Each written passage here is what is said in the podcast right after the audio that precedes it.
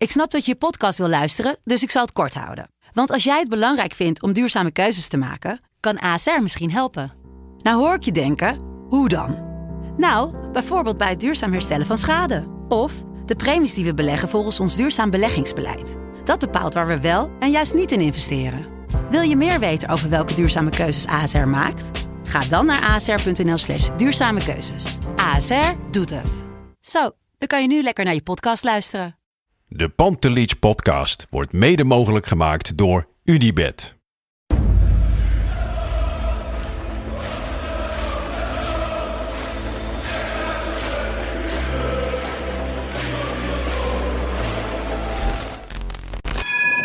For me, they can have just a lot of goals, lot of fun, and some some other things. De Jong. Wat schieten. Siem de Jong. Geweldige De Jong, slim gespeeld. Is dit de beslissing? Dit is de beslissing, denk ik. 15 mei.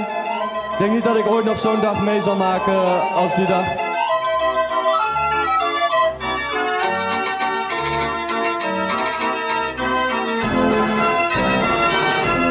Is dit de beslissing? Dit is de beslissing, denk ik. We gaan terug naar 15 mei 2011. Voor velen, waaronder ik, een van de mooiste Ajax-dagen ooit.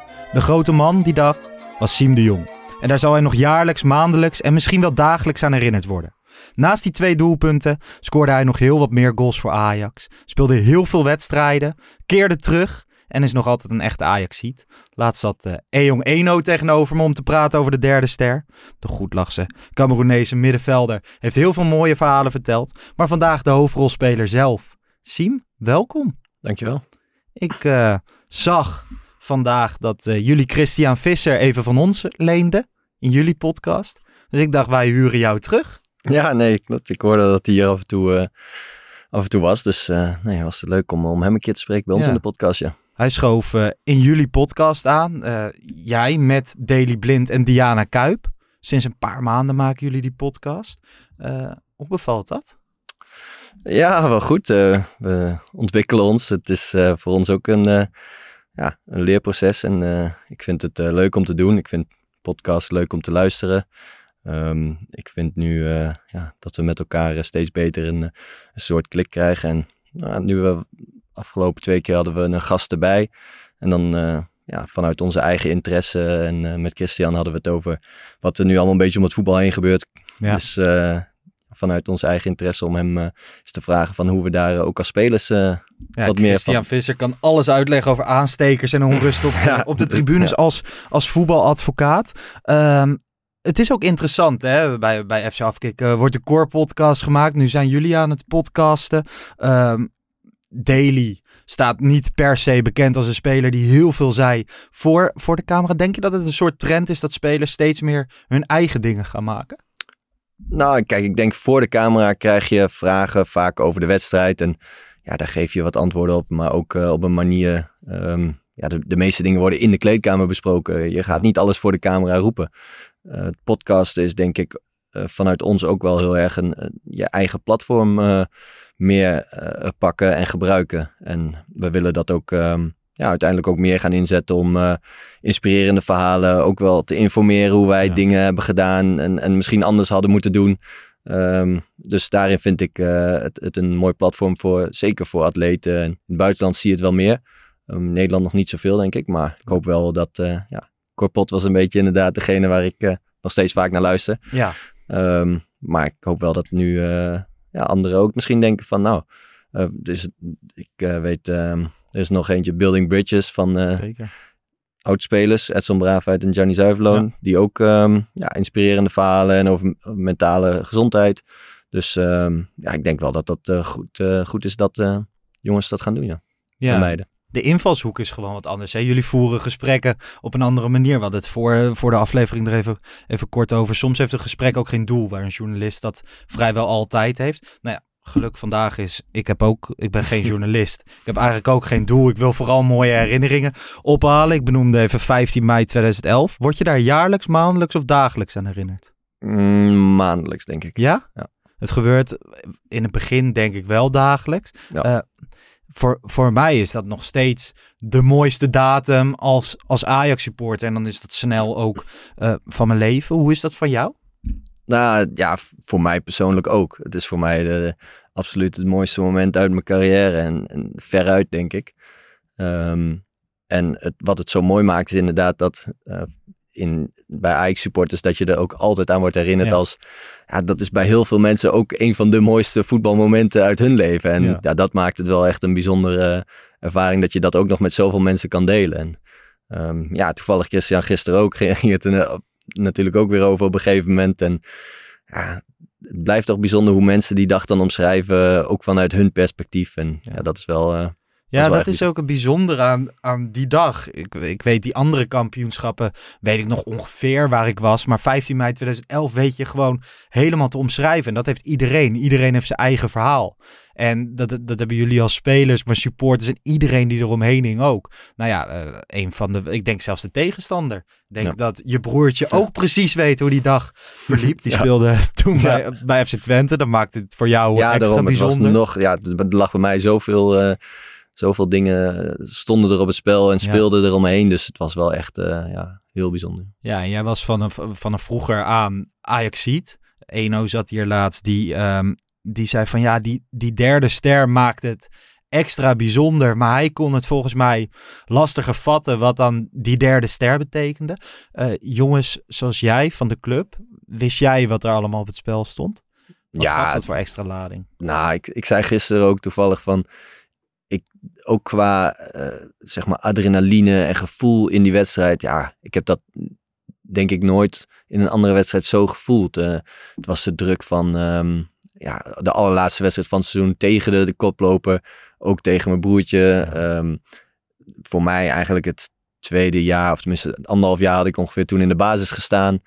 Uh, Ajax was zeven jaar niet kampioen geworden volgens mij achter elkaar. Dus uh, de, de, negen, ja, de dertigste wilde maar niet, niet komen, zeg maar. En ja, dat, dat maakte die dag wel echt heel speciaal. En uh, de beker nog verloren de Twee week daarvoor. daarvoor. Ja, dus ja, het was echt uh, de spanning. De, de, ja, de, toen ik de warming-up het veld op kwam, was, was, kreeg ik al overal kipvel. Ja. Dat crazy on the dance floor, hè? Dat het ja, was de eerste keer toen uh, ja. is daar, daar geboren. Um, had je, dat, had je dat door? Eno zei toen we in de bus, volgens mij gingen jullie vanaf de toekomst of zo naar de arena, maar dan alsnog met de bus. Een klein stukje in elk geval. Hij zegt, van daar zag je alleen al rood-wit. Die hele stad was opgepompt. Je merkte het al de hele week. Uh, Media-aandacht was groot. Je zei, ik heb, ik heb die druk nooit meer op zo'n manier gevoeld. Maar jullie konden het wel op een positieve manier omzetten. Dat ja. ook dicht kunnen klappen. Ja, ik, ik denk sommige momenten. Ik denk ook dat de wedstrijd niet heel spectaculair was. Als, tenminste, als je zeg maar gewoon de, de wedstrijd zou kijken ja. zonder de, dat je er een gevoel bij de hebt. lading. Ja. ja. Um, ja. het was al een mooie wedstrijd, maar ja, het was op moment dat je daar aankwam, was het, het was ook veel drukker. Uh, toen wij het veld opkwamen voor de warming-up bijvoorbeeld, was het ook het stadion al bijna vol. Volgens mij was er zelfs opgeroepen van kom gewoon een ja. uur van tevoren. We moeten daar al zitten. Ja. Ze moeten het idee hebben dat er niks te halen valt. En dat is later nog wel eens gebeurd. Volgens mij bijvoorbeeld bij de laatste klassieker is dat ook opgeroepen. Ja. Van belangrijk dat we moeten er al zijn. Maar nooit is daar zo'n gehoor meer aangegeven. Terwijl op dat moment was de arena nog helemaal niet ja. wat het nu is. Die is ja. die dag een beetje geboren. Ja, want uh, inderdaad, bij, toen in die jaren hebben we ook wel best wel wat wedstrijden gehad dat de arena niet vol zat. En uh, ik denk nee. dat de laatste jaren dat er weinig, uh, tenminste ja. veel minder gebeurt in ieder geval dan is toen. Is gewoon niet meer te halen. Nee. Want ik zat vanmiddag hè, in voorbereiding naar dit gesprek, zat ik even samenvattingen te kijken en, en goals die je hebt gemaakt.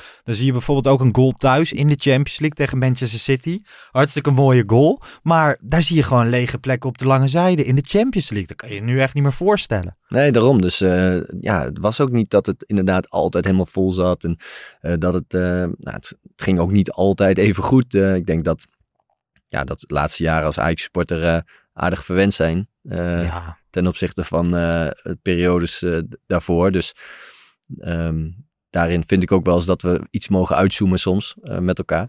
Maar um, nou ja, ik vind wel dat, dat op dat moment, die dag, die, die wedstrijd, ja, dat staat zo los eigenlijk bijna van voor, voor de Van rest al van, het andere. ja, van al het andere. Ja, ik denk dat het voor jou als, als speler is. Ik denk dat het voor bijna iedereen zo is. Ik denk dat het voor mij ook zo is. Je hebt, je hebt Ajax en je hebt die dag. Er gebeurde, er gebeurde veel meer. Want hè, ik, ik ben 28, dus ik had het kampioenschap daarvoor meegemaakt vanuit thuis. Maar dit was de eerste keer dat ik er echt bij was. Het was zo bijzonder. En dat gevoel van onoverwinnelijkheid dat op de tribune was. Hadden jullie dat in de kleedkamer ook al? Ja, en mm, ik moet zeggen, ook na die bekerwedstrijd toen daarvoor, ehm, toen verloren we hem uiteindelijk, maar hadden we wel echt het gevoel van, ah, dit, dit moeten we eh, goed kunnen, eh, goed gaan zetten in de, in de laatste wedstrijd. En eh, dat gevoel heerste ook wel echt. Ik had, ja, ik had wel zo'n gevoel van, dit gaat goed komen. Nooit echt in een heel erg negatief eh, scenario zitten denken. En ook wat ik zei, de druk en inderdaad de spanning, de adrenaline. Ehm, ik kan me nog wel herinneren, de, de aftrap, heb ik volgens mij ook wel eens eerder verteld, ehm, werd genomen en zij moesten de aftrap nemen en die werd gelijk lang geschoten. En ik zag Luc al Ja. klaarstaan om diep te gaan lopen, dus ik dacht, oké, ik hou hem even tegen. En toen probeerde ik me even een beetje zo te blokken. Ja. En toen liep ik een stukje mee en toen kwam die bal, dacht ik, oh ja, nou loop ik nog een stukje mee. En toen kwam die bal, toen stond ik in mijn eigen 16 bijna en ik was spits in die wedstrijd. Dus toen dacht ik gelijk daarna, dacht ik, oh nee, ik moet, doen? ik moet niet, eh, nee, ja, ik moet niet overdrijven. Ik moet gewoon voorin gaan staan en, en niet eh, overal gaan rennen. Dus eh, die eerste seconden zat ik al gelijk van, ik moet wel bij de les blijven. Taakbewust Ja. zijn. Ja, dat hoor je best vaak. Hè. Spelers zeggen dat je daar in het begin heel erg naar op zoek bent. Want volgens mij inderdaad een lange bal. Brian Ruiz schiet. Ehm, en die wedstrijd is begonnen. Heel erg veel rook. Ja. De arena, arena zat, eh, zat bomvol. Eigenlijk een, een schitterende wedstrijd. En beide goals echt hele mooie, mooie goals. Ik vind bij die eerste goal Gregory van de Wiel met een, met een voorzet. Nou ja, die heeft hij misschien niet op deze manier zo vaak gegeven, denk ik. En, je, en jij raakt hem perfect, waardoor die bal in dat, in dat zijnet Ja, in valt. één keer in de lucht. Ja. Ja, eh, en, die, en die tweede is echt de beslissing. En die foto's vooral waarin je, waarin je juicht, waar je, je met je armen omhoog staat, iedereen om je heen springt. Ja, voor mij roept het heel veel herinneringen op. Kijk je zelf nog wel eens die wedstrijd terug? Nee, ik, ik kijk, eh, tenminste, ik zie één keer per jaar gewoon al die beelden weer Ja. terugkomen. Want dan, ja, als het 15 mei is, dan, eh, Dan tagt iedereen dan tagt je. iedereen me en dan eh, zie ik het wel, wel weer voorbij komen. Ja, dan vind ik het zelf ook wel weer mooi om er wat over te, te Ja. zeggen. Dus, eh, maar nee, ja, die, die goals, inderdaad, die eerste, die, ja, die raakte ik precies goed op de binnenkant van de voet. En ehm, ja, dan, dan loop je door in dat moment. Het, het zag er inderdaad allemaal gewoon heel soepel uit Ja. als je dat zo terugziet. En ook die tweede goal. Ja, dan schrik ik even als ik die bal een beetje krijg. Ehm, het wordt een beetje weggestuurd. Ja. En ehm, ja, op dat moment dat ik hem scoorde. Ik had van tevoren wel een beetje bedacht van stel dat ik score. eh, Ga ik dit en dit nou doen? ja, een beetje. Want eh, bij de eerste goal bijvoorbeeld. Ik had bedacht als ik score ga ik naar, naar de bank toe. Ja, Naar de jongens. Eh, en dat kwam precies ook zo uit. Ik kom precies in die, in die bocht zeg maar. je lijn. Ja, Ja. zo precies in die bocht terug naar de bank lopen. En ehm, ja, bij die tweede kwam het eigenlijk ook zo uit dat ik doorliep. Precies naar, zeg maar, daar in die hoek. Ja. En ehm, ja, dat was wel bijzonder. Ja, ik, zit- ik zit even terug te denken. Je had natuurlijk gewoon die, die wedstrijd. Jij scoort, dan heb je ook weer een iconisch moment met die eigen goal Ja. van Landsaat. Dat je echt denkt, hoe is, hoe is dit mogelijk? Ja. Dat je bijna met hem te doen hebt. Zeker als je, als je terugkijkt. Hè? Dat wil je als, als speler niet, niet meemaken. Dan wordt het, wordt het beslist. Dan gaan jullie naar... eh, Uiteindelijk naar het Museumplein. Ik denk nog steeds een van de meest bizarre huldigingen die Ajax heeft gehad. Naast die Champions League huldiging in, in 95. Eh, ik vertelde in die, in die podcast met Eno dat, ehm, dat ook niet alles was leuk op die dag. Voor jullie waarschijnlijk wel hè, op het podium. Maar het was natuurlijk veel te druk op dat Mm. Museumplein. Het was best wel gevaarlijk. Ja. Op een gegeven moment, dat is de eerste keer dat ik voor ME-paarden heb moeten rennen. Ehm, en dat, dat zal iedereen hebben gehad. Maar dat, dat droeg ook weer bij aan, ehm, aan de dag en het rauwe randje dat de, de stad Amsterdam misschien wel heeft. Die dag voelde, voelde ook Ajax en Amsterdam als een eenheid. Ja. Snap je wat ik bedoel? Nee, eens. En, en voor ons was het inderdaad natuurlijk al speciaal dan na alles in het stadion de- met de bus rijden. eh, heel langzaam door de stad. eh, dat er allemaal mensen ook langs de weg stonden. En ehm, inderdaad bij het Museumplein. Ik had vrienden. Mijn eh, huis zat ehm, iets verderop. Eh, dat kon je wel lopen op zich. Ja. En eh, die vrienden van mij, die, wilden, die dachten van nou, we gaan dan ook even daarheen. En die kwamen achteraan bij het Museumplein aan. En die zijn weer omgedraaid, want die konden niet eens, Nee. die konden niet eens meer wat zien. Die zijn wel gelijk weer teruggegaan. Ehm, dus nee, zo druk was het ook inderdaad. En ja, het was wel echt allemaal... daarna ging, ja, dat gaat allemaal ook zo snel. Eh, en daar denk je dan ook, dat zie je ook wat minder vaak terug. Daar heb je ook niet echt terug. Nee. Dus heb je iets minder een beeld bij dan die momenten natuurlijk in het stadion. Ja. Ja, ik zit te denken, je bent, daarna heb je natuurlijk ook nog prijzen gepakt. Eh, we bent nog drie keer extra kampioen geworden met Ajax. Is één van die drie daarna ook maar enigszins te vergelijken met, met dit? Ehm, nee, want die keren daarna werden volgens mij twee wedstrijden voor het einde of drie wedstrijden voor het einde kampioen. En eh, nou, nog wel speciale momenten meegemaakt. Kunnen scoren in die kampioenswedstrijden. En eh, zelf nog als aanvoerder eh, mogen om Ja. de schaal eh, omhoog mogen tillen. En ja, dat zijn wel ook weer bijzondere momenten. Maar qua gevoel en, en alles kwam niet in de buurt met die wedstrijd, nee. Is dat ook voor een soort verbondenheid tussen, tussen het team van, van toen geleid of zo? Dat kan ik me namelijk goed voorstellen. Jullie weten alleen maar, jullie weten hoe dat was. Ja, nou ja, het, ja, wel een beetje. Maar het is niet zo dat ik heel veel jongens nog van die tijd nog echt spreek. Maar wel, ja, als ik ze tegenkom en zo, dan is het wel altijd gewoon goed. En sommige jongens spreek ik ook nog wel. En sommige ook nog best wel veel van die tijd.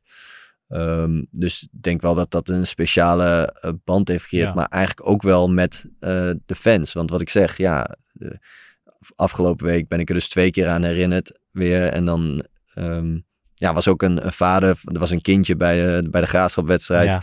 Die moest, eh, of die, die mocht op de foto in de catacombe. En, en die vader zei, ja, dat is de, dat is de man die eh, de derde ster eh, heeft, eh, naar ons naar de derde Ja. geschoten, zeg maar. En ehm, toen eh, zei ik ook, ja, volgens mij was, was, was hij nog niet eens geboren. Nee. Dus tegenwoordig, de, zeg maar, kinderen die daar dan over horen, die, ja, er zijn er best wel veel die niet, nee, die dat geen eens die dat mee niet eens hebben hebben gemaakt. meegemaakt. Ja, dat is ook wel gek. Ja, nou ja, voor iedereen die, eh, die luistert en die onder die leeftijd is. Ja. Kijk nog een paar keer die samenvattingen, want het is een van de mooiste, mooiste dagen ooit. Ik moet zeggen, die, die man, die vader zei dus tegen jou van dit is de man. Begin je dan oud te voelen? Want toen destijds was je nog de, de jonge goden zo. Ja, nee, ja, nou ja, ik ben ook wel redelijk oud natuurlijk. eh, 34 inmiddels. voetbal eh, leeftijd is het eh, ja, redelijk aan het einde van mijn carrière. Dus nee, dat, dat merk ik wel. Maar ja, het maakt het wel grappig met, ehm, met kinderen vooral. Ja. Dat, ja, zelfs kinderen van, nou ja, 15 of zo, die, ja, die hebben het ook nog niet Nee. eens echt bewust, Nee. bewust Nee, meegemaakt. Dus Gelukkig hebben zij wel een mooie Ajax-periode achter de rug. nee, zeker. Ja, dat, dat ook. Dat is waar. Ehm, ja, hoe zit jij nu ten opzichte van, van Ajax? Kijk je alles? Eh, kijk je bijna niet? Ben je, ben je een voetbalkijker in het algemeen? Ehm, ik kijk redelijk wat voetbal. Niet, niet superveel, moet ik zeggen. Ehm, ja, thuis ben met kinderen overdag en zo, dan is het allemaal niet, eh, niet makkelijk. En eh, ja, dan, dan, heb, dan heb ik ook niet dat ik eh, de hele tijd voetbal ga kijken als ik daar ben. Maar ik volg als het kan, s'avonds uh, ja, Champions League wedstrijden vaak. Ehm, de beker heb ik van de week ook gezien. Ja. Ehm, dit weekend toevallig dan eh, niet. Toen waren we aan het opnemen, toevallig had ik niet bij stilgestaan. Ja.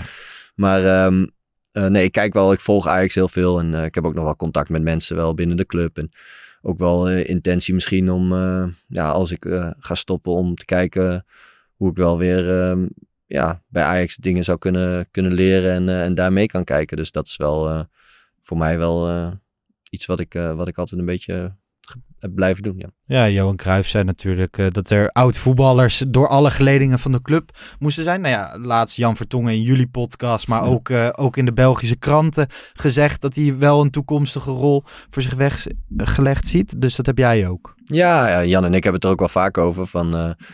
Uh, ja, om later uh, iets te gaan doen weer bij Ajax. Dus we praten er uh, samen ook wel vaak over hoe en wat. Um, dus dat is zeker um, wel een beetje waar we nu mee bezig zijn. Om, ja, om richting het einde van je carrière na te denken over wat, wat daarna. En welke rol zie je dan voor je weggelegd? Zie je dan bijvoorbeeld hè, Jan, de trainer van Ajax E1 en jij de leider, dat je de, de ja. maakt voor de, voor de kinderen? Ja. Ik snap dat het niet zo gaat, maar uh, is dat dan bestuurlijk of uh, de commerciële ja. kant of echt op het veld? Uh, nu zeg maar, ik, mijn interesse ligt uh, voor een gedeelte wel bij de commerciële kant. Um, ik heb zelf naast voetbal wat dingetjes opgezet en kledingmerk ooit eh, zijn we gestart. En een beetje vanuit het ondernemen, eh, maar ook wel het strategisch en, en, hoe je dat dan neerzet. En ik heb eigenlijk altijd wel gevolgd in hun eh, strategische positionering, zeg maar, de laatste jaren vooral. En daarin vind ik het dus ook heel knap hoe ze dat hebben gedaan. En ehm, dat is ook iets waarvan ik denk, ja, ik zou wel eens nog meer. Ik heb al wel eens met, ja, praat nog steeds wel eens met mensen daarover. En ik mag af en toe een beetje meekijken. Maar Ehm, ja, na mijn carrière is dat denk ik wel een van de dingen waar ik eerst zou mee willen kijken. Ja. Ehm, maar uh, het trainerschap en, en tactische gedeelte om het voetbal eh, vind ik ook heel leuk. Um, ik denk dat ik uh, in eerste instantie gewoon rustig mezelf ga ontwikkelen. Ja. En dan ga nadenken over sorry, wat ik ja, het liefste zou willen doen. En dat is ook een beetje afhankelijk van thuis. Ik zou niet zo snel namelijk gelijk trainen of ja, als je, als je trainer bent, dan moet je. Nou, dat denk dat je sowieso ja, in het voetbal wel vaak weg bent. Maar mhm. ook de onzekerheid een beetje van ehm, ja, andere club of weer ergens anders moeten verhuizen. En dat gedeelte, dat zou ik eventjes op een iets lager pitje willen hebben. Ja, maar bijvoorbeeld als jeugdtrainer heb je dat dan weer niet. Daarom, dus ja. Meer jaren ja, dus ik zou dus voor een meerjarenplan inderdaad, of wat dan ook, uh, nadenken over ja, hoe ik mezelf zal ontwikkelen. En het liefst uh, ja, binnen de club. Ik zit een beetje te denken aan die, aan die commerciële activiteiten. Ajax heeft natuurlijk heel veel gedaan op dat gebied. Ook in het buitenland veel mooie acties uh, gedaan. Menno Gele onder andere daar uh, zeer actief bij, bij betrokken. Wat is dan zo'n actie die je... Die, wat vond jij nou echt iets vets? Um, nou, ik vind, ik vind de For the Future positionering gewoon heel sterk gedaan. Um, hoe ze zich hebben neergezet. Kijk, de, de toekomst heet al de toekomst. Uh, Ajax is... Maar ze hebben het eigenlijk wat Ajax al was, hebben ze nou, bijna op papier weten te zetten. En dat vind ik wel knap. En ook nog eens op zo'n manier dat je daarna het nog verder kan doorontwikkelen. Um, door de acties bijvoorbeeld met jongens die weggaan. Um, ja, je weet dat Ajax een, een club is waarbij spelers een aantal hele mooie jaren hopelijk hebben.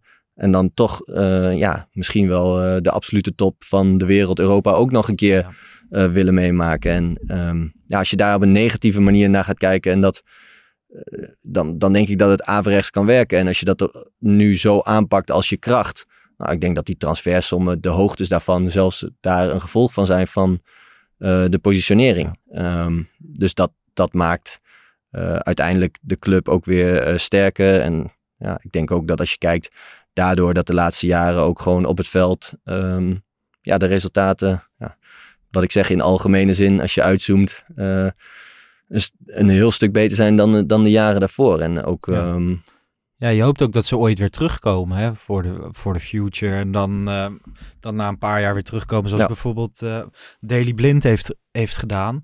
Uh, voor de future, dit weekend, paasweekend, was de Future Cup. Onder de 17 nam het op tegen veel Europese topteams. Ze werden uiteindelijk tweede. Um, veel Ajax-prominenten aanwezig. Heb jij nog wat gezien? Nee, ik zag wel de, dat ze de finale verloren hadden. Ja, met, ja, van uh, Noordjylland. 3-0, dacht ik. was echt een hele goede ploeg, dat Noordjylland. Oké, okay, ja. was echt, die deden voor het eerst mee. En, hè, Juventus loopt daar rond. Het broertje van Mbappé deed mee bij Paris Saint-Germain. Uh, Chelsea was er. Dat wordt uh, gewoon, gewoon ene laatste. Maar het was een beetje een... nou ja, een, een, toernooi wat degelijk was voor Ajax, maar uiteindelijk niet gewonnen. Ik moet zeggen dat dat terecht was. Ik vind het wel altijd echt heel erg leuk om op de toekomst te zijn. Ik was er uh, de eerste dag, dus veel poolwedstrijden kunnen zien. Uh, het, is, het is zo vet aan Ajax, Ajax dat dat leeft. Op welke, jij kwam op 16 jaar 16 leeftijd. Ja. Dus vanuit Doetinchem, ja. de graafschap. Want je werd gescout toen je 11 was. Ja, nou ja, toen was er een keer een beetje de vraag geweest en toen hebben we het niet gedaan, zeg maar. Um, en toen ik 16 was, ja, kwam het weer uh, een beetje te sprake. En toen zijn we gaan kijken of het echt haalbaar ja. was met elkaar. En uh, ja, toen uh, leek me de overstap wel, wel mooi en wilde ik het graag doen, ja. Was het dan echt zo dat jij hè, tussen, je, tussen je elfde en zestiende... speelde je echt de pannen van het dak bij de graafschap? Stak je er zwaar bovenuit? Um, nou ja, ik speelde ook bij de, de, de nationale jeugdteams mm -hmm. een beetje... Um, we speelden ook wel redelijk niveau. We, met sommige lichtingen speelden we ook tegen Ajax ja. in die tijd. Um, toen ik 16 was, volgens mij het laatste jaar, uh, zat ik ook bij zeg maar ongeveer de onder 18. Uh, mocht ik meedoen op het einde. Dus qua ja, niveau uh, zat ik wel redelijk um, ja, bij af en toe een lichting hoger bij de graafschap. En ja. wat ik zeg, bij de nationale elftallen kwam ik op een gegeven moment ook een beetje bij. En um, ja, het voordeel was misschien ook wel dat we af en toe tegen Ajax speelden. Dat ze je Eh, zagen. Ja, nou ja ik, Ja. ik kan me nog wel herinneren dat we in de jeugd, dus in die eredivisie jeugd, eh, volgens mij was het een C1 toen, eh, Mhm. toen wonnen we volgens mij ook op een avond 2-1 van Ajax thuis. En ja, ik speelde, Luc zat ook bij mijn team. Dus we hadden op zich best wel een, een leuke groep Goed. jongens. En ehm, ja, dan uiteindelijk als je 16 bent, was ook op een toernooi volgens mij. dat, dat, het, dat we ook weer tegen Ajax speelden. En dan, ja, dan wordt dat op een gegeven moment komt het een beetje te sprake. Ja. ja, ik zit gewoon te denken van op, de- op dit moment is het bijna niet meer mogelijk om zeg maar tussen je 11e en 16e ergens heel erg goed te zijn en niet opgepikt te worden door de top 3. En het zal destijds, hè, als jij in de nationale jeugdploeg hebt gezeten, dan zal het ook veel PSV, Feyenoord, Ajax en Siem de Jong van de Graafschap zijn geweest, toch? Nou ja, ja, er waren natuurlijk wel meer inderdaad talenten. En ik moet ook wel zeggen, we hebben wel gesprek gehad met eh, Twente, andere clubs uit de, de regio wel eens. Ja. Maar ja, voor mij was het in die tijd ook wel, ik kon op de fiets naar trainen, naar school, eh, naar huis. Ja, en, en ik, ja, die had nog, er werd ook niet zo makkelijk eventjes geld neergelegd voor jeugdspelers in die tijd. Nee. Dat wordt nu ook wel iets makkelijker gedaan. Dus ze moesten toen ook gewoon wel betalen. En daar was niet zo dat in die tijd van nou, hup, we leggen het neer en eh, we zien het wel. Ehm, dus dat was wel iets anders. Maar ehm, ja, nee, ik eh, ben wel blij dat het uiteindelijk gebeurde. Ja. En wat er allemaal daarna is gekomen. Ja, want eh, je maakt die overstap naar, naar Ajax. Direct een, een trotse Ajax ziet. Want je was, ik kan me zo voorstellen, je wordt geboren in Doetinchem. Dan heb je de Graafschap Zwitserland. En, oh ja, Ja. Zwitserland. Eh, groeit op in, eh, Doetinchem, in ja. Doetinchem. Voetbalt een aantal jaar bij de Graafschap. Ik kan me voorstellen dat je de Graafschap en Ajax... Hoe staat dat een beetje in verhouding tot elkaar voor jou? Want je voetbalt nu weer bij de Graafschap. Ja. Nee, ja, kijk, de Graafschap was voor mij echt de, de club uit de regio. En waar je als jonge jongen bij komt. En ik ook echt een hele leuke tijd heb gehad. ehm, en ja, ook een van de clubs die ik eh, altijd wel gevolgd heb. Ehm, maar ik was voordat ik bij de Graafschap kwam. Ja, ik groeide op een beetje met dat 95. Ja, dan, toen was ik zes. Eh, krijg je niet echt bewust alles mee. Maar je groeit wel op in de periode dat Ajax ja, heel groot is. Dus dan ga je als jonge jongen ehm, ja, daar toch eh, meer naar kijken misschien. En ehm, dan ehm, ja, ben ik toch een beetje vanuit toen zo Ajax ziet geworden. Eh, en dan als je dan bij de Graafschap zit, dan Ja. krijg je de kans om naar Ajax te gaan. Ja, dan, dan was dat wel gelijk voor mij zoiets van, ja, dit eh, Ja, man. wil je wel. Gewoon, eh, nou ja, je hebt, je hebt de, de foto waarin jij, Ja. maar ook je broertje Luc in, in Ajax-shirt staan. Ja. Is ook gewoon een Ajax-ziet dus. Gewoon eigenlijk, uiteindelijk is iedereen Ajax-ziet. nou ja, nou, ik, ik kan me voorstellen als je in, niet in, eh, nou, als je in een bepaalde periode wordt, als je nu wordt geboren, Ja. eh, nou misschien ja, dit jaar, als je dit jaar wordt geboren en Feyenoord wordt kampioen, dan, dan eh, Veel mensen hebben dat herkenbare verhaal, dat ze inderdaad in die periode... ja, in een bepaalde periode groei je op met een bepaalde club. En kijk, kijk, tenzij jouw ouders echt specifiek fan zijn van een club en je daar echt mee opgroeit. Maar mijn ouders hadden dat niet zo. En dan hadden ze misschien een klein beetje voorkeur voor Ajax.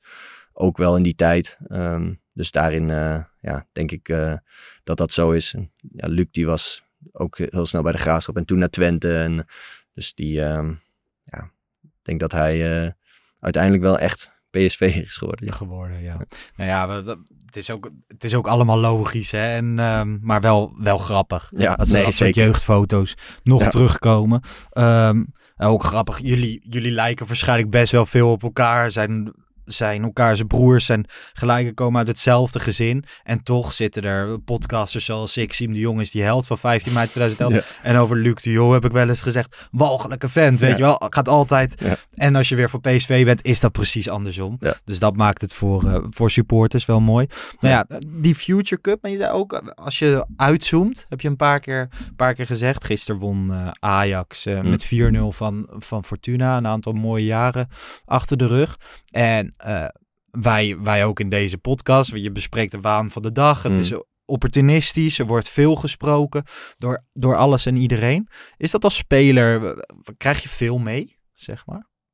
Ehm, nou, ik probeer eigenlijk weinig mee te krijgen. En ja, ik zit nu niet meer op dat niveau waarbij je constant landelijk eh, onder de vergrootglas ligt. Mhm. Maar ehm, nou, ook, ook zelfs bij ons nog vind ik dat er veel gezocht wordt naar dingen vanuit de pers soms. En ehm, ja, kijk, ik begrijp ook wel. Ik had het met, met Sjoerd Massouk kwam dan bij ons in de podcast en had ik het ook over wat hij nou leuker vond om Ja. over te schrijven. En eh, ja, de waan van de dag. Het is natuurlijk ook eh, leuk om daar eh, mee bezig te zijn. En iedereen is daarmee bezig. Dus dat, dat begrijp ik ook wel. Maar als speler wil je ja, daar toch wel een beetje van wegblijven, denk ik. Ik denk wel dat je er in sommige gevallen als speler wel eh, last van kan hebben. Het gaat, ja, gaat toch wel een beetje in je hoofd zitten als je dat eh, allemaal Ja. blijft volgen.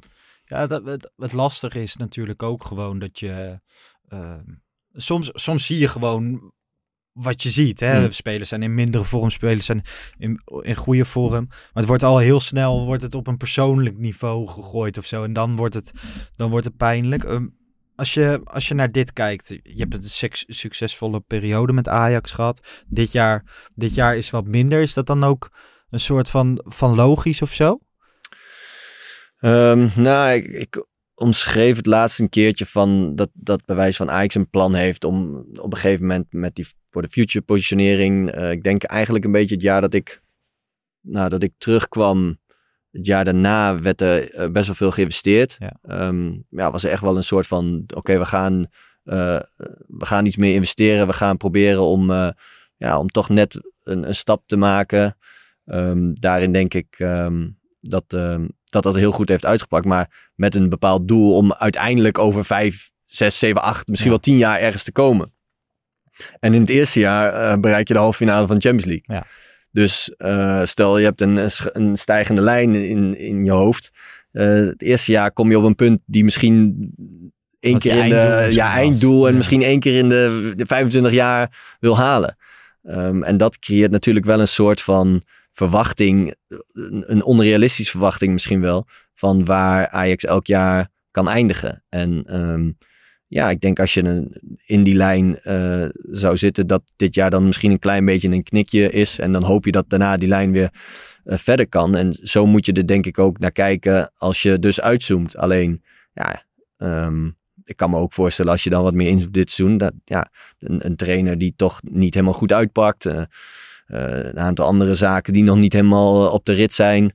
Ehm, ook eh, in, het, in, in zeg maar de directie, waar, eh, met, met een technisch directeur, wel of niet. En Ja. toch wie hem. En dus ja, er zijn een aantal punten die spelen. En ehm, ja, dan valt dat een beetje samen ook inderdaad met de resultaten op het veld. En ja, dan krijg je natuurlijk dat er eh, zoiets is van ja, eh, als het allemaal slecht gaat, dan gaat Ajax straks in één keer weer helemaal omlaag. En dan heb ik zoiets van ja, ja, we moeten met elkaar zorgen dat het weer de goede kant op gaat. En zeker vanuit mensen die Ajax dan een warm hart toedragen van ja, dat, ik geloof namelijk ook echt dat het invloed heeft als je met elkaar allemaal ook negatief erover gaat praten. Ehm, dat het dan ook een, een, ja, toch ook wel een negatieve effect kan hebben. Ehm, dus daarin eh, denk ik ook van ja, we moeten ook niet vergeten dat eh, de laatste jaren eh, Heel erg goed. wel. heel erg goed waren. En, en dat je ja, uiteindelijk weer op die lijn moet komen om, om weer stapjes te gaan maken. En ja, daar zullen af en toe jaren tussen zitten dat het even wat als een goede trainer eh, eh, Ja. de overstap maakt naar een andere club of een aantal hele goede spelers. Ja, dan kan er een jaartje zijn of eh, misschien wel twee dat het even weer eh, eventjes weer zeg maar op die, op die stijgende lijn gezet wil ik worden. hier nog niet zeggen hoor.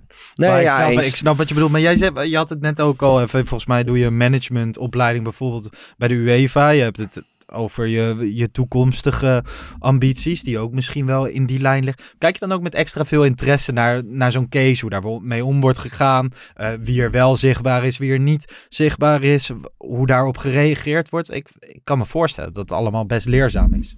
Ja, zeker. Ik, ik volg dat soort dingen wel. Ja. En ehm, kijk, ik weet niet wat mijn toekomstige einddoel nog is. ehm, maar ehm, ja, st- stel dat je het hebt over de ultieme in de bestuurlijke kant. En je zegt al, algemeen directeur of wat dan ook. Mhm. Zo'n functie. Ja, dan, dan kijk je wel van eh, wat er nu gebeurt. Waar iemand mee te maken krijgt. Ehm, dan eh, zijn dat wel dingen die, je die je specifieker misschien volgt en, en op let. En ook wel denkt van nou, hoe, hoe zou je ja, hoe zou je daarmee om moeten gaan? En eh, hoe zou je, als je daar ooit zou mogen komen, ehm, ja, daarover over nadenken. Ja, stel je, wordt, eh, stel je wordt ooit algemeen directeur. En dit is het laatste wat ik erover ga zeggen. Ehm, en het gaat niet zo goed. En wij nodigen je honderd keer uit in de podcast. Dan moet je wel komen hoor. Dit jaar we hebben Van de Sar zo vaak uitgenodigd, maar hij is nog niet gekomen. Eh dat gaat over zichtbaarheid en zo, maar daar gaan we het Ja. allemaal niet eh, over hebben. Ja, nee, ja, ja, ik snap wat je bedoelt. Henk ten Gaten Ja. was, was de trainer. Ehm, is dat direct ook een van je favoriete trainers of zo? Met wie jullie debuteren of dat niet? Nou, wel iemand eh, ja, waar je dankbaar eh, voor bent dat hij eh, op dat moment eh, die keuze heeft gemaakt. Ja, zeker. Ik eh, kwam hem eh, een tijdje terug eh, nog ergens tegen in een restaurant. Ja, dan toch wel, eh, denk je toch wel speciaal van, eh, ja, de man die mij heeft laten debuteren. En eh, ja, dus dat, eh, dat gevoel zeker. Hij was vrij snel daarna wel naar, eh, naar. Chelsea. Dus eh, ik heb hem niet heel lang meegemaakt. Maar eh, nee, zeker. Je hebt wel eh, bepaalde gevoelens bij, bij trainers en ehm, waar je terugdenkt aan bepaalde momenten. Ja. Ja, veel, eh, veel mensen koppelen dat helemaal niet aan Henk de Katen, omdat hij maar kort trainer van Hm. Ajax is geworden of geweest. Maar natuurlijk een echte Amsterdammer met ook wel ehm, ja, Amsterdamse gebruiken heel erg direct volgens mij. Ehm, dus, dus ik kan me voorstellen dat je best snel aan zo'n man kan, kan hechten. Daarna kwam Martin Jol direct. Nee, toen eh, nam Adrie Koster het over. Oh ja. Dat, eh, eigenlijk de rest van het seizoen.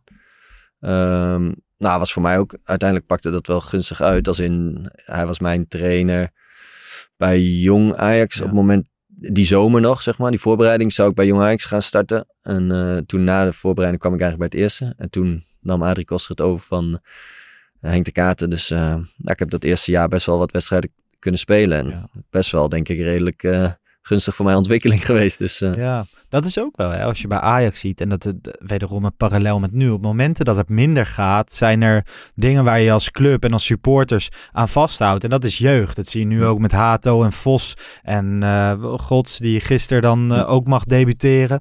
En dat was dan ook zo, maar toen was het Siem de Jong. Ja, nou ja.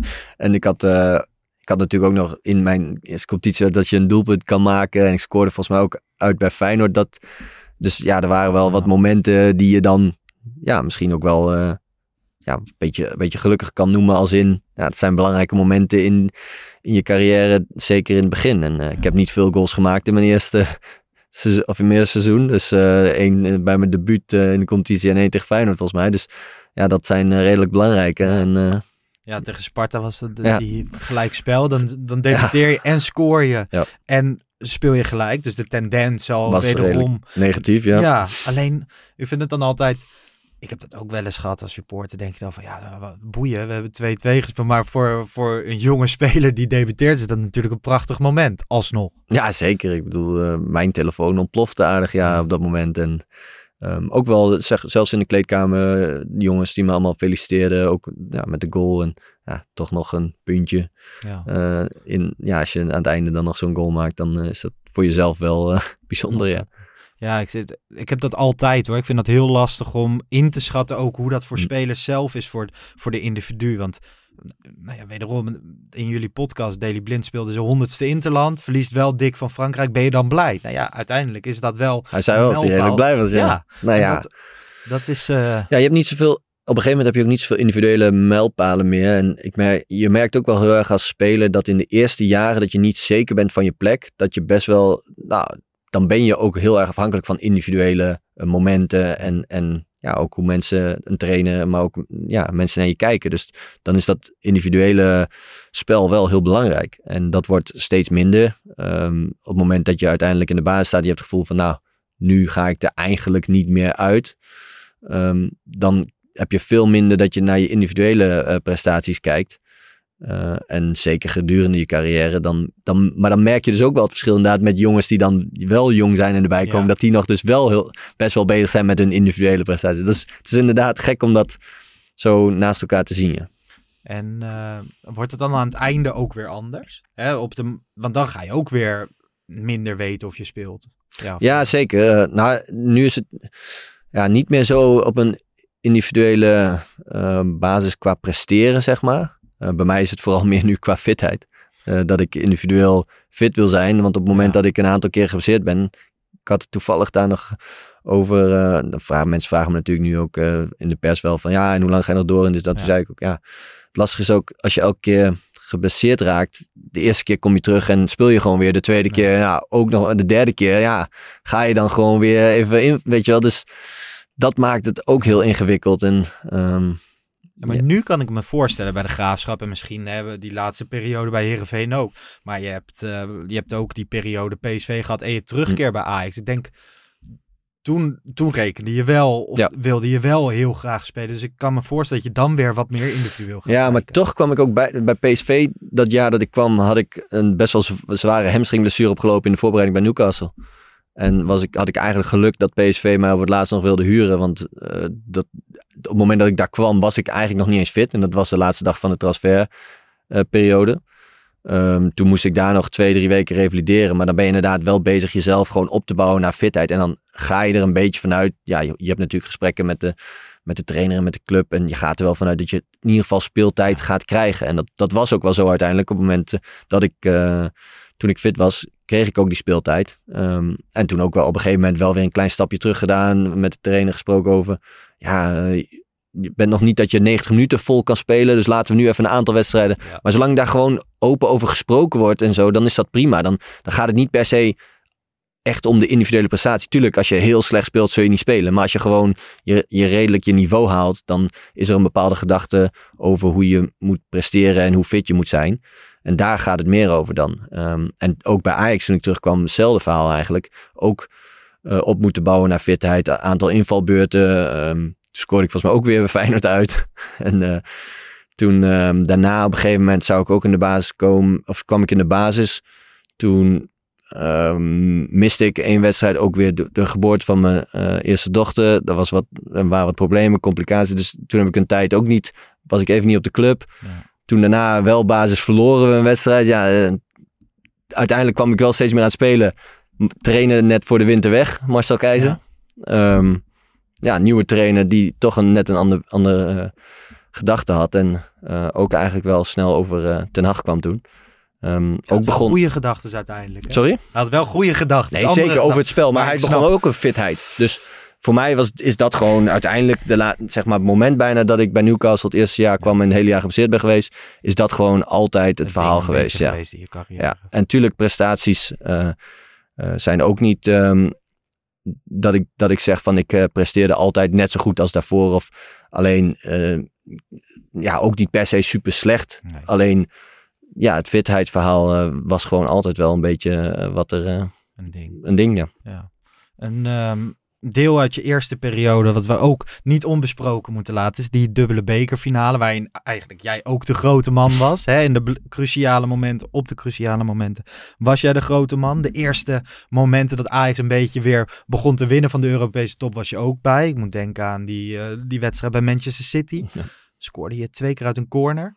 Dus ik wilde ook direct vragen, wil je geen corner trainer worden? Want dat Ja. gaat bij Ajax dit seizoen ook niet helemaal lekker bij, eh, bij tijd, en- tijd en Weilen. Maar je hebt ook samengespeeld met, hè, we zitten hier bij de Pantelic podcast, dat Ja. seizoen met, eh, met Marco Pantelic. Wat, wat voor gozer was hij? Ja, Ehm, ja wel eh, voor mij een, een- eigenlijk een ideale spits. Ik kwam toen inderdaad, was onder Jol. Ja. Het jaar na Van Basten zat er nog tussen trouwens. En toen kwam. Jol. En ehm eerste helft van het seizoen, nou, eerst dus Koster. Redelijk veel gespeeld. Toen Van Basten, nieuwe trainer, ook weer mezelf in de basis moeten knokken. Ook wel redelijk wat gespeeld. Toen nieuwe trainer, weer mezelf in de basis moeten knokken. Eh, toen in de winter, volgens mij kwam ik in de basis. Eh, toen was Pantelic was, eh, was de spits en ik kwam op 10. Ehm, en Suarez op rechts. Maar dat, ja, dat paste voor mij heel goed met hem. Hij was iemand die altijd in de 16 eerste paal pakte. Dus ik kon er altijd omheen bewegen. Hij eh, was een kaatsen en ik kon eh, zeg maar onder hem komen, doorlopen. Ehm, ja, voor mijn spel om, om hem heen te spelen was ideaal. En ehm, ja, hij was eh, als persoon gewoon ja, gedreven om te willen winnen. Ehm, wel zakelijk, maar ja, wel, wel ook wel grappig. Dus wel, ja, wel leuke tijd gehad. En uiteindelijk helaas net niet kampioen geworden Nee. dat jaar. Maar we hadden best wel, eh, ja, volgens mij hadden we toen ook een reeks van 14 op rij gewonnen of zo aan het einde Ja, van dat was echt nog in de periode dat Ajax eigenlijk na de winter onverslaanbaar Ja. was. Dat was, eh, was altijd een ding. Eno zei enkele weken geleden hier ehm, dat er ook wel eens naar Pantelic geschreeuwd moest worden dat niet elke bal naar Suarez hoefde, maar dat hij zelf ook spits was en ook gewoon wel eens mocht schieten. Herinner jij je dat ook nog? Ja, nou, dat is wat- ik zeg. Hij was wel een, een, hij was wel een echte spits, maar hij gaf ook wel veel ballen. Dus ik kreeg ook best wel veel ballen. Ik scoorde volgens mij in de tweede helft van seizoen ook tien keer of zo. Ja. En, ehm, maar ook wel inderdaad door een spits die, ja, eh, misschien ik dan uiteindelijk, daarna heb ik ook een tijd spits gespeeld wel bij Ajax. En ja, misschien iets meer uit, uit de spits komen, maar ook wel veel eh, als een, een paser wel naast, zeg maar, eh, alleen scoren. En ehm, dat was voor mij wel ideaal om met hem samen te spelen. En ik denk voor, uiteindelijk, voor Suarez ook wel Ja. in die Ja, periode. Dat denk ik ook. Ik vind het gewoon... eh, nou ja, wij, wij hebben de, de Pantelietje podcast de eerste twee jaar werd natuurlijk door, door Arco en Freek gemaakt. Dus Arco heeft volgens mij die naam deels, eh, deels bedacht samen met de jongens van, van FC Afkikken. Maar de laatste drie jaar, alle verhalen die je over hem hoort en zo. En nu is hij bij die Servische bond Hm. actief. Ja.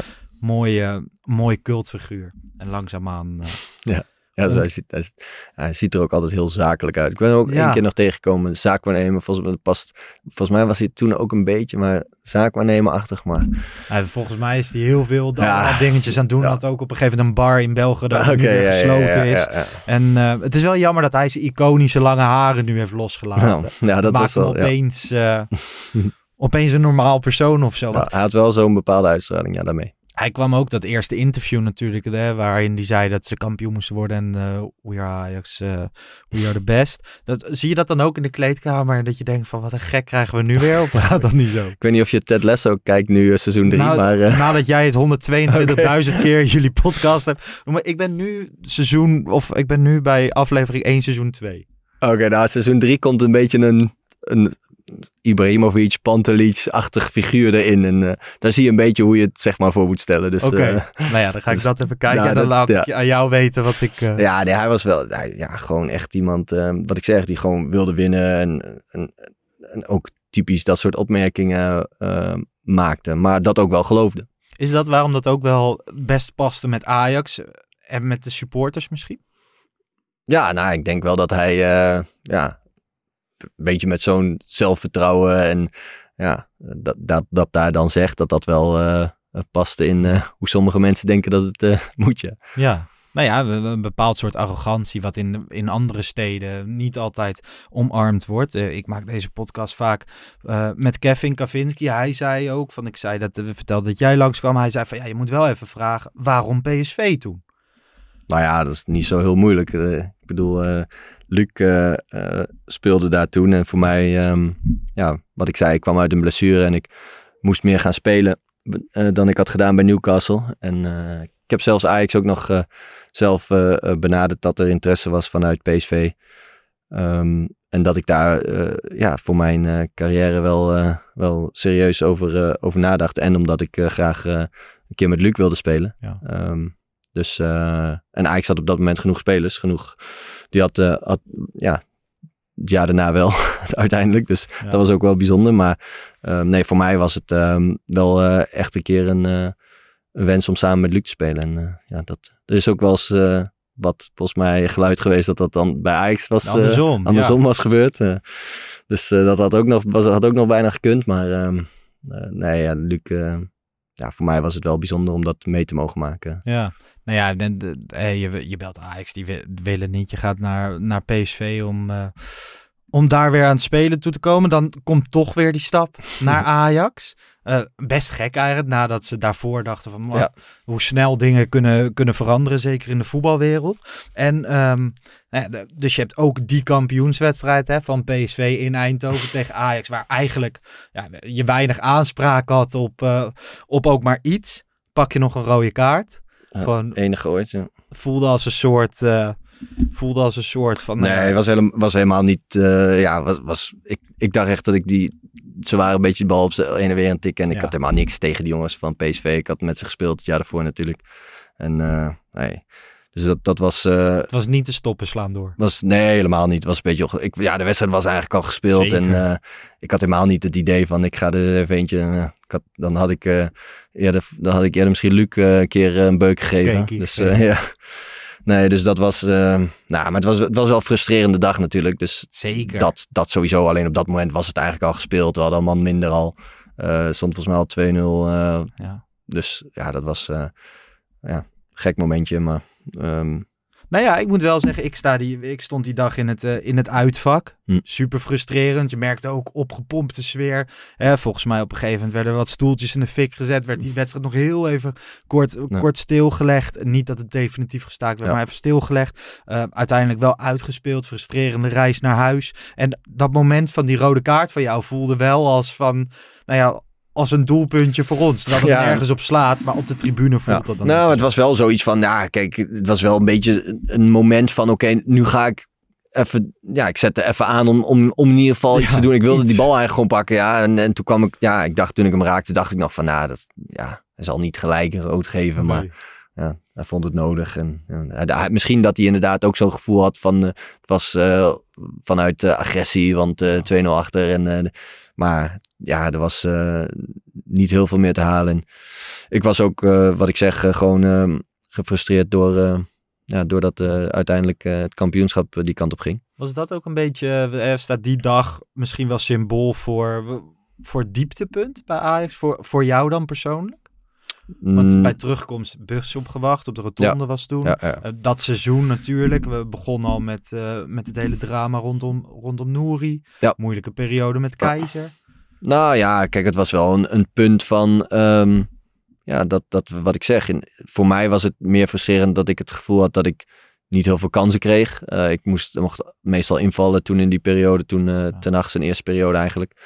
En ehm, ja, ik, ik heb ook wel eens gezegd van, ten Hag was een hele goede trainer en uiteindelijk eh, die investeringen eigenlijk die zomer hebben heel goed uitgepakt, maar ja, het had niet veel geschild of eh, het had er ook anders uit kunnen zien eh, op dat moment. dus, die dag wilde echt iedereen eigenlijk al dat het, hè, wel supporters en zo. Ja, nee. welke kant gaat ik het kan me nog herinneren inderdaad daar bij, de, bij die rotonde dat eh, heel wat mensen weg moesten ja, van, de, van, een, van een bepaald deel van de mensen die daar waren. Dus ehm, nee, zeker. En ja, uiteindelijk denk ik ehm, ja, dat eh, ook, ook wel weer knap dat zeg maar eigenlijk gelijk het seizoen daarna, dus dat jaar was dat, eh, Ja. dat de halve finale wordt bereikt. Ja, de- je hebt er wel eens eh, podcasts over, of gesprekken of interviews waarin over, over supporters eh, wordt gesproken. Afgelopen week is er veel over te doen geweest. Nou ja, daarover meer in jullie podcast Ja. met, eh, met Christian. Maar wat is, wat is zeg maar jouw, jouw band met een, eh, met een supporterschare in het algemeen? Hè? Je, hebt de, je hebt de dieptepunten dat je op Mm. een rotonde staat en eigenlijk... Nou ja, dan kan je niet zoveel goed doen. Op het moment dat je de derde ster pakt, kan je alles Mm. goed doen. Heb je, heb je een bepaald soort band met de Ajax supporter? Ehm, nou, voor mij is die band wel specifiek de 15 mei eh, herinnering. Want ehm, ja, eh, wie, wie je ook tegenkomt op wat voor manier dan ook, heeft het eigenlijk daarover. En natuurlijk, eh, wat ik zeg, er zijn momenten. ehm, ik heb een paar keer meegemaakt dat supporters inderdaad bij de bus zijn geweest. En ehm, ik heb ook eh, met supporters hele mooie momenten. Maar kijk, zo'n moment dat die supporters inderdaad dan bij de bus komen, dan ja, zijn wij ook allemaal in een hele negatieve sfeer. En begrijpen we ook allemaal dat het niet goed is en niet goed genoeg en, en beter moet. En ehm, eh, ja, dan eh, zitten wij er ook helemaal niet lekker in. En dan ja, krijg je nog net even een extra tikje dan op zo'n moment. Nou ja, als het ehm, binnen bepaalde perken blijft. ja, ik weet niet of het per se nodig is dat, maar ehm, ja, het is, eh, voor mij is het, is, ik heb niet een, ik heb eigenlijk een hele positieve, eh, heel positief gevoel bij, bij supporters in het algemeen. Ja. Ehm, onze podcast ging daar ook over. Ja, dat er wel eens momentjes zijn, en, of individuen soms, eh, waar het niet goed bij gaat. eh, waardoor een, eh, een wedstrijd eh, uit de hand loopt. Maar ik denk dat eh, dat, dat ik hoop dat dat in ieder geval eh, zo min mogelijk meer gaat gebeuren. Maar ik denk ook eh, dat ik daar tijdens mijn carrière ja, niet super veel momenten heb meegemaakt. Nee, en ook niet zoveel last van heb gehad. Ehm, en eigenlijk alleen maar positieve gevoelens heb over eh, het zijn van, van, van een voetballer en ook ja, het uit de mindere momenten weer komen. Dus daarin, ehm, Maar tegelijkertijd zeg je wel, aan het begin van deze podcast zei je, zei je ergens van ja, als we soms even, even uitzoomen, dat je zeg maar de tendens Mhm. wordt wel op een bepaalde manier gemaakt door, door supporters. Op een gegeven moment worden dingen te negatief. Hè, aan, het, aan Mhm. het einde van Schreuder, de buitenwachten. En dat ze niet, niet alleen de journalist, volgens mij is dat ook de supporter die daar aan bijdragen. Maar ik geloof wel dat jij als, als individu en hoe er naar jou gekeken wordt. Al in jouw tweede periode is er ook best kritisch. Toch? Mhm. Ben je ook best kritisch bekeken door eh, supporters en zo. Jawel, jawel. Eh, ook, ik kwam natuurlijk van PSV, dus dat- ja, dat was net ook weer op dat moment. eh, Ja. Kijken daar mensen daar dan weer zo naar. Ehm, dus ja, ik moest uh, van een inderdaad een aantal blessures terugkomen. Dus het was niet zo dat ik nou per se een hele grote aankoop was. Maar zo zag ik mezelf dus ook niet. Uh, ik hoopte gewoon weer ja, me op te, op te werken ja. tot belangrijke speler. En kijk, ook in die periode, mijn eerste periode. Ja, ik ben niet een speler die individueel altijd het verschil maakt. Ja, door een goal maar kan dat, uh, heb ik dat wel eens, door een, door een paas of wat dan ook. Maar ja, daar, gaat, er gebeurt nog heel veel meer omheen. En ja, ik heb het geluk dat ik een deel van die uh, credits krijg van uh, de derde ster. En um, dat maakt het zo'n bijzondere ervaring. Um, maar ja, ik zal niet zo snel zeggen dat ik dat allemaal zelf heb, heb bereikt en voor elkaar heb gekregen. En als het minder gaat met het team, dan ben ik daar ook onderdeel van. En ja, dan, dan uh, scoor ik ook minder en, en ben ik ook minder uh, aanwezig misschien. En dat, ja. dat zijn dingen die ik dan um, ook wel probeer te verbeteren. En te zorgen dat we als team weer betere resultaten gaan halen. En um, ja, dat is wat ik zeg. Die, ik ben ook steeds minder gaan kijken naar mijn individuele spel. Um, en ik, ja, daar, daar maak je je ook minder zorgen om. Je maakt je zorgen om, om hoe het inderdaad in het totaalplaatje gaat. En uh, hoe het seizoen verloopt. En als we een slecht seizoen hebben gehad, ja, dan ben ik daar ook heel negatief over. En dan zal ik ook de eerste zijn dat ik zelf niet goed genoeg gepresteerd heb. Uh, en dat we met elkaar niet goed genoeg gepresteerd hebben. Dus, ja. dat is het toch wel ook hè, in, de, in de tijd waar we, waar we nu leven. Wordt daar um, onder andere in het, in het voetbal best wel eens aan getwijfeld aan naar hoe kijken, hoe kijken sporters nou zelf naar, naar de prestatie en hmm. zo. En hoe vaker, hoe vaker mensen er zijn echt voetballers zijn doodziek van, van nederlagen en van niet presteren en minder in vorm zijn. er zijn ook jongens die daar anders mee omgaan. Ja. Maar dat is, ja, dat is. Nou, dat ligt denk ik ook wel een beetje aan het, aan het type persoon ja. en speler. Want ja. sommige spelers hebben ook, kunnen ook gewoon individueel wel uh, presteren of, of misschien zelfs wel ja, floreren bij uh, momenten dat het als team niet goed gaat. En, uh, en hebben daar ook ja, zijn, vinden dat ook best wel belangrijk. Dat ze hun individuele momenten. Maar dat zijn ook spelers die dus ook op individuele momenten het verschil kunnen maken. Ja. En dus ook minder afhankelijk zijn van anderen. En ik ben een speler die ja, heel erg afhankelijk is van anderen. Dus ik ben ook veel meer bezig met het team. En uh, ook omdat dat mij zelf inderdaad misschien wel meer ten goede komt. Um, dan ja, als wij als team minder spelen, kijk, ik zal dan niet eventjes de bal op gaan halen achterin en iedereen voorbij dribbelen en, en een goal maken. En ja, er zijn niet veel die dat kunnen, denk ik, maar er zijn wel jongens die individueel, ja, toch ja, dan iets kunnen. Het, hè? Nee, op een gegeven moment dat je het idee van geven maar op de achterlijn ja. de bal, dan gaat hij wel. Nee, daarom. En dus dat is ook zo. En uh, kijk, Suarez had dat. En aan de andere kant heb ik ook wel gezegd, ja, we zijn daarna vier jaar kampioen geworden zonder die individuele individuele kwaliteiten van sommige andere jaren. En kijk, ik denk dat er nu de laatste jaren dus een hele goede mix is van beide. Um, uh, tenminste, uh, ja, die mix moeten ze dus ook voor mijn gevoel echt blijven houden. Van de individuele klasse van sommige spelers met uh, een aantal... Ja, kijk, je hebt in die tijd ook een aantal jeugdspelers gehad... die ook nog eens leidend en dragende spelers waren.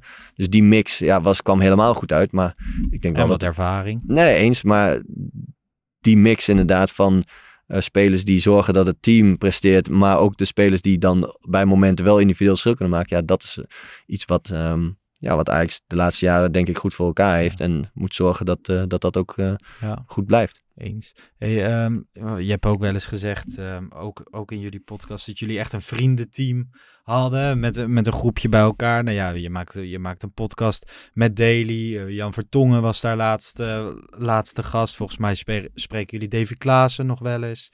Um, een, een echt Ajax groepje zou mooi zijn als jullie inderdaad richting de toekomst dat een beetje met z'n allen toch een beetje de lijnen kunnen gaan uitzetten als, uh, nou ja, als dat... een paar bepalende oudspelers. Ja, nee, kijk, en dat, dat is ook een beetje wat ik zei. De eerste komende jaren moet ik uh, nog uh, ja, heel veel daar, daarover leren en, en kijken hoe, hoe dat allemaal gaat. Dus um, voordat ik daar ben, duurt dat nog wel even. Maar nee, ja, we zijn zeker ook wel bezig met uh, met, de, met jongens uh, naast het veld om, om gezamenlijk meer dingen op te pakken. Ja, en dus wat ik zei, ik ben met Jan ook wel vaak aan het praten over uh, hoe nou richting de toekomst en, en ook binnen Ajax. En met welke mensen kun, je, kun je daarover praten. Of ja, we doen nu samen ook die cursus bij de UEFA. Um, dus ja, dat zijn allemaal dingen die je ook wel gezamenlijk probeert op te pakken. En ja. dat vind ik wel inderdaad ook wel leuk nu de laatste jaren, ja, dat je daar met elkaar ook, ook wel mee bezig bent. En, en inderdaad, podcast met Daily, ons eigen platform wat meer inzetten.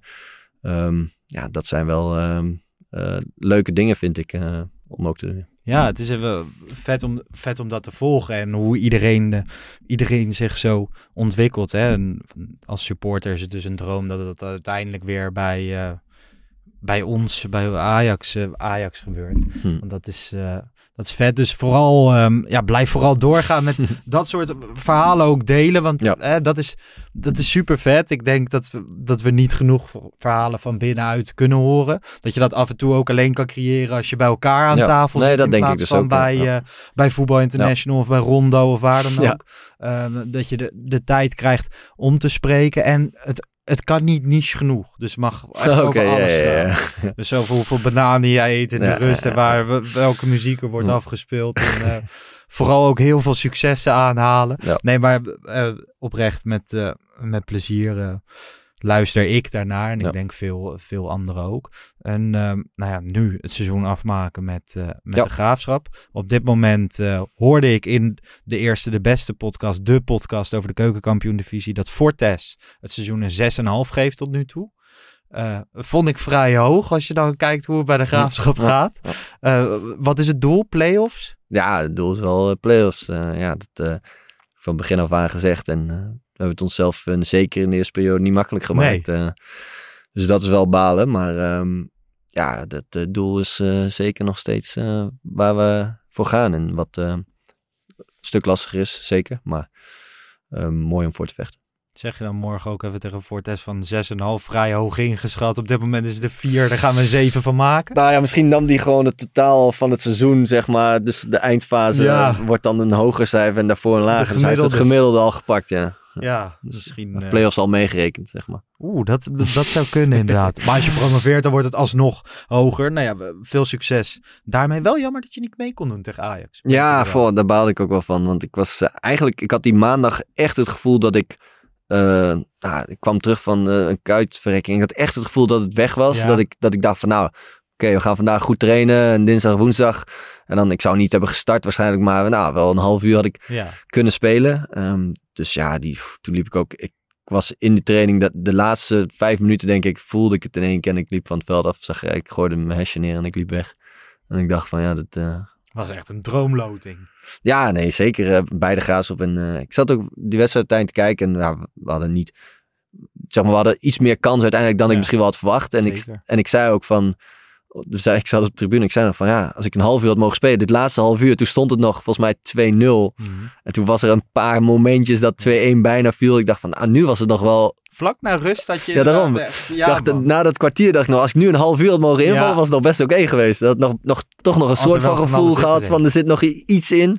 ja. Dus ja, dat was wel. Ja, nee, daar baalde ik wel echt van. ehm, ja, dat ik Heb je die dat nog op zo'n laatste training? Want ik, ik kan me voorstellen, zeker jij met je Hmm. blessure leed en, en zo in je verleden. Maar dat je bijna onverantwoordelijk met je lichaam wil, dat je het niet voelt of zo, of kan dat niet? Nou, nee, want ik, ik, kijk, ik voel het normaal namelijk.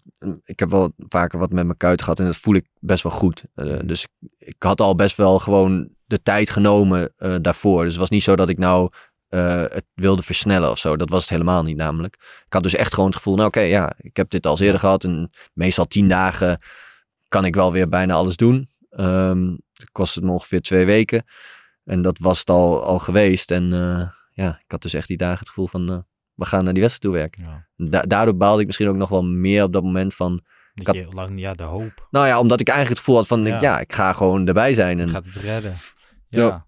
Ja. maar je hoort zo vaak dat we eh, spelers belangrijk Ja, zijn. ik Dus snap wat je ja. spuiten erin Ja. of even op je, Ja. op je tanden bijten. Ik wil de basisplaats niet verliezen. Of Ja. ik wil gewoon een hele mooie wedstrijd spelen. Dus Ja. daar nog aan te denken. Maar goed, ehm, ja, thanks dat je hier wilde komen. ja, om je verhalen te delen. Volgens mij zijn we echt van, van links vroeger, naar rechts naar, geschoten. vroeger naar het heden, naar vroeger. Ja, Ja, maar ja. dat, dat- dat- we hebben, eh, volgens mij heb je vaak genoeg je hele carrière chronologisch een beetje Ja. uitgelegd. En eh waren gewoon een paar momenten waar ik aan moest denken Ja. als ik dacht aan, eh aan Siem de Jong. Nou ja, misschien kunnen we jou vaker lenen. Dan mag, mogen jullie Christian Ja. Visser wat vaker van jullie lenen. We zullen, of eh, jullie mogen die van ons lenen. We zullen de link van die podcast ook Oh ja, even dankjewel. bij ons in de beschrijving zetten. Ehm, elke dinsdag komt die online. Een kwartiertje daarvan op het YouTube kanaal van FC Afkikken. En de hele aflevering op Spotify. Ik denk dat jullie nog wel eventjes eh, zo doorgaan. Ja, nou ja, het, eh, als het allemaal... eh, het is voor ons, ja, goed, eh, goed te doen zo. En ik speel meestal voor het weekend, dus kunnen we rustig kunnen we een dagje vinden vaak dat het, dat het prima Dat kan. Ja, en Ja. ook wel interessant om inderdaad, zoals Christian Visser, maar verschillende mensen langs te hebben en vanuit ons perspectief daar ook een beetje van te leren. En ook wel, Hoe vond je het om hier te zijn in de, in de ja, Ajax-setting? mooie, mooie sfeer hier. mooie Ja. setting en het was, eh, was leuk, dankjewel. Goed zo.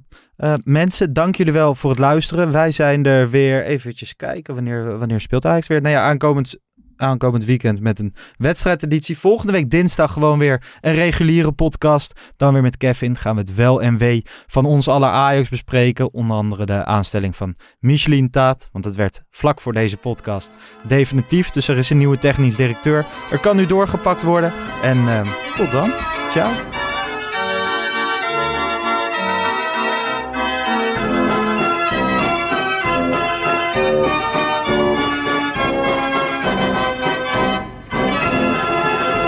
Let's go Ajax.